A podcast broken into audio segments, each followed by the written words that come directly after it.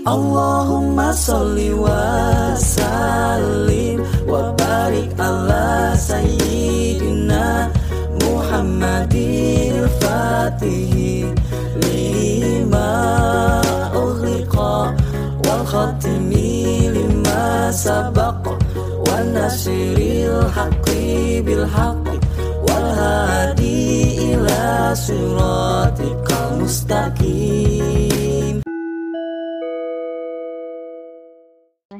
Bismillahirrahmanirrahim. Assalamualaikum warahmatullahi wabarakatuh. Waalaikumsalam warahmatullahi wabarakatuh. Iya, Teh Syarifah Uma ketemu lagi nih sama aku. Iya, gimana kabarnya nih Teh Sodiko?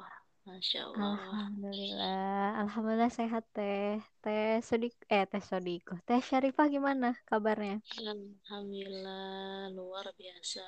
Tetap semangat Allah Akbar. Allahu Akbar. Ya, alhamdulillah ya kita di hari Jumat pagi ini kita rekaman. Kita mau rekaman apa nih Teh? Kasih bocoran dong. Bocor ya, kalau bocor ntar banjir nih. Iya. Gimana di Jumat ya? Jumat ya, Jumat berkah. Jumat ya, Amin. salawat. Ya, kita Mm-mm. obrolin apa? Kepoin tentang Nabi aja. Kepoin, kepoin Nabi, kepoin Rasul ya. Iya. Iya, Masya Allah. Ah, ya pokoknya penting banget sih kita buat kepoin Rasul. Kenapa? Karena ya sebagai orang yang mengaku umatnya Nabi, mau nggak mau harus kepoin Rasul ya, biar kenal Rasul, biar mampu mencontoh Rasul juga. Bener gak Teh? Ih, sepakat banget.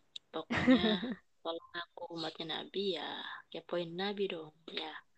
Jangan sampai Iya. kita ngaku umatnya Nabi, kita nggak pernah tahu tentang Nabi itu sendiri. Eh, di akhirat salah alamat deh, nggak dapet syafaat. Kan, nauzubillah. Alhamdulillahirrahmanirrahim. Ya, jangan sampai. Harapannya kan kita dapat syafaat Nabi ya. Mudah-mudahan Karena kita di dapat. akhirat itu nggak ada nabi-nabi lain nggak bisa ngasih syafaat. Iya, Nabi Adam nggak bisa, Nabi Ibrahim nggak bisa. Mereka cuma aja Rasulullah ya. syafaat dari Rasul karena yang bisa buka pintu syafaat itu pertama ya Rasulullah Allah Hmm, kehendakinya Rasulullah Masya Allah. Wasallam. maka otomatis apalagi yang mau dicari di dunia ini ya kan bekalnya kalau bukan kunci surga itu sendiri ada pada Nabi itu Iya. Eh, kita eh, sebetulnya aku pengen langsung ngobrol sih ya mengenai tentang syafaat itu sendiri. Kenapa sih kita harus eh apa ya? Kenapa sih syafaat itu penting kita dapetin gitu ya? Karena mungkin teman-teman kita ada yang nggak kegambar gitu teh mengenai eh, apa sih yang akan dilakukan di hari akhir nanti sampai kita butuh syafaat Nabi itu sendiri. Mungkin kan ada yang belum tergambar. Nantilah kita jelasin. Namun sebelum sekarang ke aja arah sana, ih pengen sholawat dulu teh. Masya Allah selamat kita jelasin Kan ini hari Jumat, jadi spiritnya kita harus banyakin sholawat. Bener gak? bener banget Tapi eh, suara teh Syarifah nih kurang jelas nih. Coba dibenerin cek dulu. cek dulu Iya, gimana gimana udah kayak ini belum suara siapa penyanyi siapa? Udah jelas insya Allah. Udah bagus ya sih. Udah. oke Iya. Jadi kita harus sholawat dulu teh. Bener kan? Penting banget nih sholawat.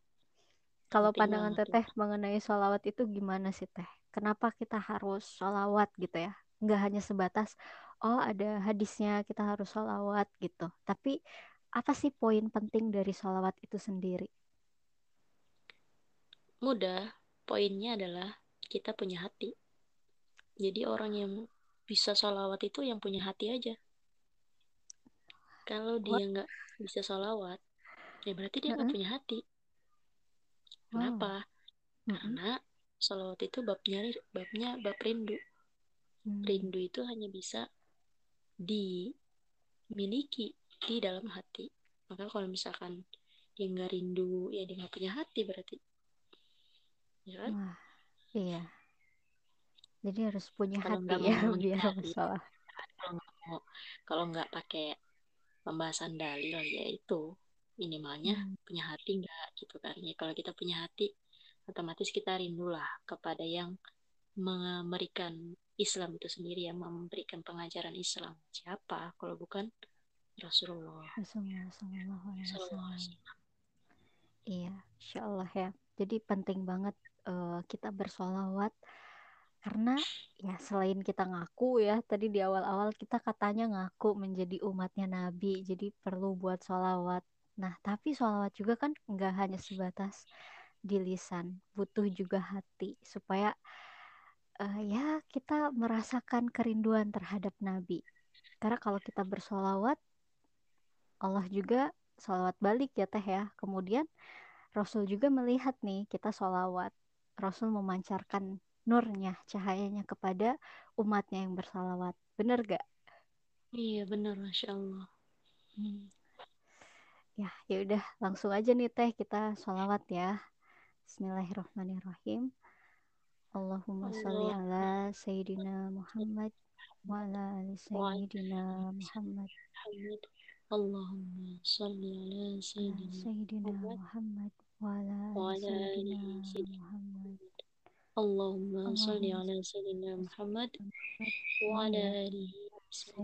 Sayyidina Muhammad Insyaallah mudah-mudahan salawat kita dibalas. Pasti ya sebetulnya. Karena nggak ada amalan selain amalan sholawat yang pasti bakal diterima. Bener gak teh? Masya Allah benar. Sekalipun membaca salawatnya dengan kondisi hati yang ria pun Mm-mm. Allah terima ya. Nah, Masya Allah. Jadi jangan sungkan untuk bersalawat walaupun hati kita masih penuh dengan kegelapan walaupun kita masih banyak dosa. Itulah satu-satunya jalan singkat jalan cepat jalan kilat atau apa jalan jalan cepatnya ya untuk bisa Mm-mm. mendapatkan kebaikan yakni dengan salawat Iya Allah. Jadi jangan pelit-pelit buat sholawat apalagi di hari Jumat ini ya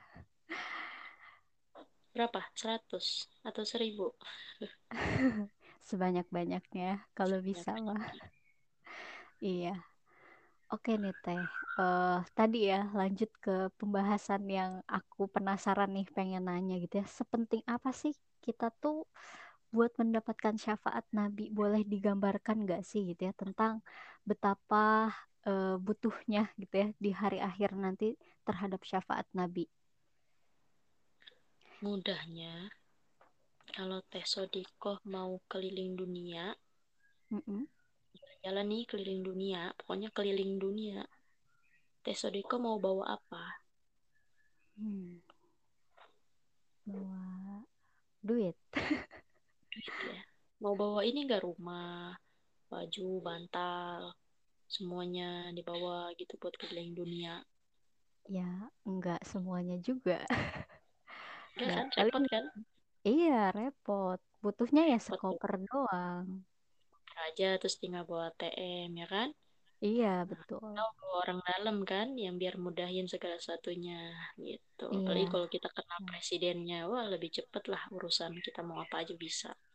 iya ya. Nah, Gak harus ngurusin gitu. visa. Bener, syafaat tuh semacam itu. Syafaat itu kan kayak tolong pertolongan. Mm-mm. Syafaat itu seperti pertolongan. Nah, andai kata kita nggak punya orang yang nolong kita dalam perjalanan itu, maka apa yang terjadi? Ya tadi, sulit. Kita harus bawa semuanya sendirian. Bayangin bawa rumah, bawa kasur, bawa semuanya berat, ya kan? Beban Mm-mm. sen- sendiri susah. Nah, apalagi ini perjalanannya bukan hanya keliling dunia. Ini perjalanannya menuju ke langit ketujuh, ya. Wow. Akhirat Iya, alam ya. barzah. Wah, lebih susah lagi. Bawa pesawat aja udah nggak bisa, ya kan? Nah, Iya. berarti apa? Butuh pertolongan dari yang benar-benar punya jalannya, punya kuncinya nih, tahu jalannya. Siapa? Ya, cuman Rasul. Ya, menurut Rasulullah Iya. Muhammad SAW. Makanya dalam nanti di akhirat sana, ketika umat-umat udah pada bingung nih gimana nih siapa yang bisa nolong kita nih dalam kondisi susah payah nanya kepada Nabi Adam nanya kepada Nabi Nuh nanya kepada Nabi Ibrahim. Nabi-Nabi itu nggak bisa ngasih syafaat nggak bisa nolong. Kenapa? Karena nggak punya jalannya nggak tahu jalannya nggak punya kuncinya. Yang punya kunci untuk menolong umat yang segitu banyak seabrek-abrek itu ya cuman Rasulullah SAW maka otomatis itulah kenapa pentingnya salawat kepada Nabi Muhammad SAW karena yang punya syafaat pertolongan nanti yang Allah kasih haknya itu adalah Nabi. Gitu. Ya. daripada kita saya apa sibuk bawa-bawa ya bisa nggak bawa amalan sholat kita sendiri ke sana? Berat. Amalan-amalan kita ini kan ya apalagi sedikit sebenarnya. Cuman mm -hmm. kan nggak bisa. Kita butuh syafaat pertolongan. Apalagi nanti di alam kubur. Gak usah di alam kubur. Pas baru mau meninggal. Sakaratul maut datang hmm. malaikat itu nyopot nyawa makanya orang-orang soleh itu kalau udah dia mau meninggal itu Rasulullah datang ruhnya membantu memberikan syafaat makanya ada salawat yang sangat masyhur yakni salawat adrikni itu hmm. salawat sangat terkenal di kalangan para suriahnya Rasul yakni uh, salawat yang di dalamnya ada salam kepada Nabi. Nah, bacaannya gimana? Assalatu wassalamu alaika ya Sayyidi ya Rasulullah. Semoga uh, keselamatan, salawat terhadap Rasul udah. Terus kemudian dalam hati diucapkan. Uh, Khud biadikal hilati adrikni. Ya, ya Rasul peganglah tanganku. Itu kan. Aku ingin berjumpaan. Gitu. Dalam artian apa? kita butuh Rasul sebagai orang yang bisa nolong nih. Kapan kapan aja. Ya hatta ketika kita mau meninggal pengennya ditolong sama Rasul. Gitu. Hmm. nah ini bukan dongeng ya beneran kejadian. Orang-orang soleh itu ketika sakaratul maut itu dijemput sama Rasul. Ruhnya hmm. ruhnya Rasul yang datang menjemput. Gimana nanti di akhirat insya Allah. Kalau di dunia aja udah dijemput sama Rasul di akhirat insya Allah juga dapat syafaat maka rugi rugi rugi. Ya orang-orang yang gak mau dapat pertolongan. Sama kayak kita ketika mau keliling dunia kita merasa udahlah nggak usah nolong saya saya bisa sendiri. Bisa nggak? Nggak bisa. Kita butuh pertolongan pastinya. Itu Masya Allah ya. Mudah-mudahan tergambar jelas nah, suara ayam. Iya biasanya banyak. Iya. Bagus backsoundnya ya, alami. Gak iya, dibuat-buat. Ya, Masya Allah ya, mengenai Rasulullah ini ternyata memang hero ya, penyelamat kita. Hero sejati itu ya Rasul, bukan hanya mampu menolong kita di dunia, tapi sampai di akhirat pun ya terus gitu ya, tidak tidak meninggalkan umat masya allah betul betul. Ya um, kan kita mau kepoin rasul ya teh ya. Enaknya gitu ya kepoin rasul dari mana dulu nih? Kalau mau kenal rasul ya jelas harus tahu dong rasul bapaknya siapa ibunya siapa ya kan? Iya. Yeah. tahu dari mana itu rasul lahir ya. Bagaimana hmm. Rasul dibesarkan pastinya di sana dan kalau anak pribadi ya teh ya. Hmm. uh, ya kalau kita bahas siroh ya banyak lah kiai habaib yang bisa menjelaskan tentang uh, kehidupan Rasul. Cuman anak lebih prefer gitu ya, kayak lebih tertarik untuk bahas siapa sih orang tua Rasul? Itu mm -hmm karena nggak mungkin iya. dong dari anak dari maksudnya nggak mungkin anak anak yang istimewa nih lahir daripada orang tua yang biasa-biasa aja. Kalau menurut anak pasti anak yang istimewa dari orang tua yang istimewa juga. Iya. Ya kan? Betul. apalagi Rasul terkenalnya ahlaknya mulia. Wah masya Allah. Ini kita harus tahu dari sana Iya ya, maksudnya kita ngelihat orang di zaman sekarang aja kalau misalnya, uh, sukses gitu ya, pasti ini anaknya siapa? gitu. Pasti ditanyain kan orang tuanya. Ya nggak ada salahnya juga ya kita ke Rasul juga seperti itu. Rasul ini dilahirkan dari orang tua yang seperti apa sih? Sampai jadi seperti ini gitu Rasulnya. Sampai ya menjadi sang hero buat kita semua. Iya, karena gimana ya? Rasul itu kan manusia biasa juga ya, cuman Allah kasih keistimewaan. Dan Martin fisiknya Iya. sama kayak kita ya, ada kaki, ada tangan. Berarti kan otomatis Rasul ya dilahirkan. Nah, kita harus tahu. Mm-mm. Nah, cuman sayangnya ya, yang Ana dapati beberapa pembahasan di luar sana, ada yang mengatakan bahwasanya eh, orang tua Rasul itu finnar di neraka. Hmm. Nah, sekarang begini. Kalau misalkan anak bilang ya ke seseorang atau contoh pahitnya lah ke teteh misalkan. Mm-mm. Teh, orang tua kamu itu di neraka. Nah, gimana perasaannya teteh? ya sedih lah Ma- marah Sedih. juga gitu Nah, Hmm, kok gitu. ngata-ngatain orang tua saya Gimana kalau itu kita omongin di depan Rasul? Ah, Ya nggak Rasul, orang tua antum ini masuk neraka. Gimana? Ah, kira-kira perasaannya Rasul? ya sedih lah. Sedih sedih itu lah. orang juga nggak sopan banget kan Gak ke sopan Rasul banget. gitu. Dia dia belajar katanya kepada Nabi. Cuman dia suul adab ya kan? Adabnya songong banget. Ngomong orang tua Nabi masuk neraka. Nah ini yang harus kita jabarkan.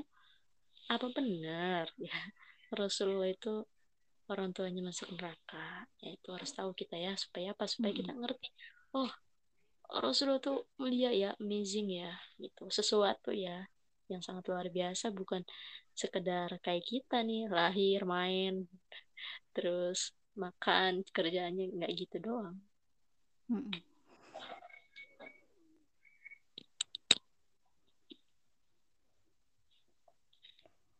Begitu. Gimana menurut teteh? Iya jadi kepo nih. Siapa orang tua Rasul? Siapa teh yang teteh tahu?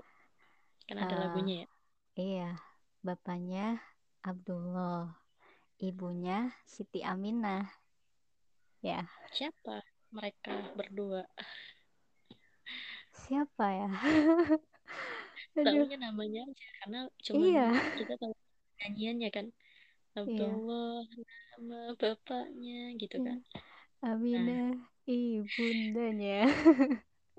Kita kan ya namanya kita manu- orang Islam di Indonesia ini kan masih memang awam sekali ya. Mm-mm. sehingga akhirnya belum ngerti itu siapa orang tua Rasul itu taunya cuma nama aja. Mungkin juga sama kita kepada Rasulullah kita cuma tahu nama aja. Nggak tahu Nah, Rasul itu iya. sendiri siapa Mm-mm. tapi alhamdulillah lah tahu sedikit namanya juga udah. Alhamdulillah udah lumayan.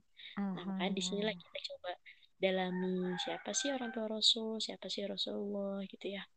Yang Mm-mm. Ana pahami eh, Rasulullah ini memang memiliki bapak yang bernama Abdullah ya. Abdullah. Artinya apa Abdullah? Hamba Allah. hambanya Allah berarti agamanya bapaknya Rasul ini apa ya? Hmm, apa ya? karena dari namanya aja udah Abdullah hambanya Allah. Ya, ya kan? Coba siapa Mm-mm. yang bilang benar kalau itu adalah hambanya Allah. Oh, no ya. comment. harus tahu bahwasanya dari namanya aja sudah Abdullah hambanya Allah Mm-mm. bukan hambanya Lata bukan hambanya Manna dan Uzza bukan. Tapi Mm-mm. hambanya Allah. Nah ini yang kemudian akhirnya ulama-ulama pun menjelaskan dalam kitab-kitab sirah bahwasanya bapaknya Nabi Muhammad ini adalah seorang yang mulia kedudukannya. Kenapa mulia kedudukannya? Karena pada saat itu bapaknya dari bapaknya Nabi Muhammad siapa namanya Bapaknya dari bapaknya Nabi Muhammad. Berarti kakeknya ya ya, Abdul Muthalib. Abdul Muthalib ya kakeknya ini pernah me, apa namanya kalau kita tuh bahasanya tuh janji Mm-mm. jadi saat itu tuh memang orang-orang tuh nggak nemuin yang namanya sumur zam-zam Ya. Hmm. Nggak ada yang nemuin sumur zam-zam karena udah ketutup kan. Dulu di zamannya Nabi Isa ya. Nah Hmm. Qadarullah kakeknya Nabi Muhammad ini mimpi berkali-kali. Di situ ada sumur zam-zam di situ ada sumur zam-zam Allah ilhami mimpi. Akhirnya kakeknya Nabi Muhammad berserta anaknya ya itu menggali tanah tersebut. Nah orang-orang di sana bilang ini kakeknya nih atau Abdul Muthalib ini gila apa gimana ya? Mm-mm. mana dia mana mungkin dia bisa dapetin sumur itu? Karena yang sumur itu bertahun-tahun nggak pernah ketemu. Akhirnya cuma berdua nggak ada yang bantu mm, gali sumur. Akhirnya kakeknya itu berjanji kalau sampai dia punya banyak anak maka dia akan menyerahkan satu anaknya kepada Allah. Jadi ternyata kakeknya Nabi Muhammad ini berada di jalan agama Nabi Ibrahim. Ya Ibrahim Hanifah Muslimah gitu ya. Berjanji tuh. Nah setelah kemudian sumur zam-zam memberikan manfaat dan diberikan keturunan yang banyak nih Abdul Muthalib nih akhirnya Allah tegur mana keturunanmu yang di- ingin diberikan kepada Allah? Gitu kan. Mm-mm. nah akhirnya dibuatlah undian undian diundi ya. Dari semua anak-anaknya Nabi nih mana? Eh anak-anaknya Na- Abdul Muthalib mana nih yang mau diserahkan kepada Allah dengan cara sembelih? Dia pengen disembelih salah satunya karena udah janji. Udah kadang janji kan dulu. Mm-mm. ya udah akhirnya setiap mau di mau di apa tuh namanya tuh? Dikocok nama anak-anaknya yang keluar nama Abdullah. Selalu nama Abdullah yang keluar sampai akhirnya kemudian sampai ke 100 kali nama Abdullah masih keluar hingga akhirnya dikatakan ditebus saja dengan sejumlah unta gitu jadi satu Abdullah ini di, tidak disembelih diganti dengan 100 ekor unta Hmm, Sembelihan. Karena 100 kocokan itu. Iya karena selalu aja namanya Abdullah lagi Abdullah lagi emang kayak udah Allah tetapin gitu Abdullah nih yang jadi sasarannya gitu Tapi kenapa Nah. teh digantiin? karena eh, ada tradisi di sana. Di tradisi di Arab sana, kalau misalkan eh, tidak apa masih keluarnya nama-nama itu lagi, diganti dengan serupa hewan kurban, yaitu adalah unta.